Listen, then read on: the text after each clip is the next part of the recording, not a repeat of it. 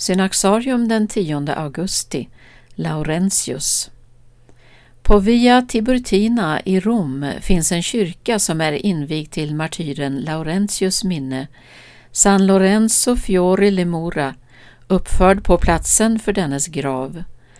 Det var den första av de 34 kyrkor i Rom som kom att tillägnas de mest vördade martyrerna. Laurentius sägs ha kommit från Spanien.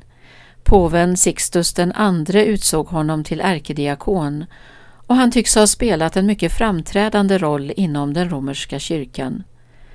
Påven och sex av hans diakoner greps under kejsar Valerius förföljelse i en av Roms katakomber och tre dagar efter att de lidit martyrdöden blev också Laurentius arresterad.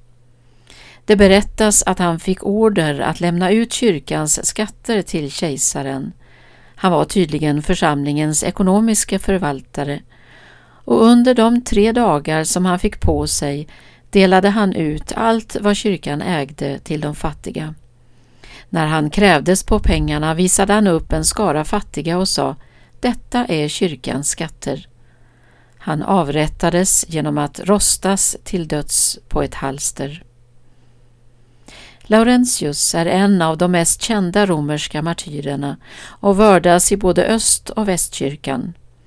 Diktaren Prudentius påstår att hans martyrdöd innebar dödsstöten för den avgudadyrkan som uppfyllde Rom.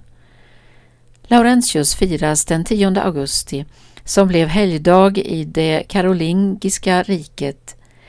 När kejsar Otto den förste besegrade magyarerna vid Lechfeld på just denna dag år 955 menade man att det hade skett med hjälp av Laurentius förböner. Det ledde till att många kyrkor fick honom som skyddspatron, bland annat Lunds och Uppsala domkyrkor, och Lars blev därefter ett vanligt namn i Sverige.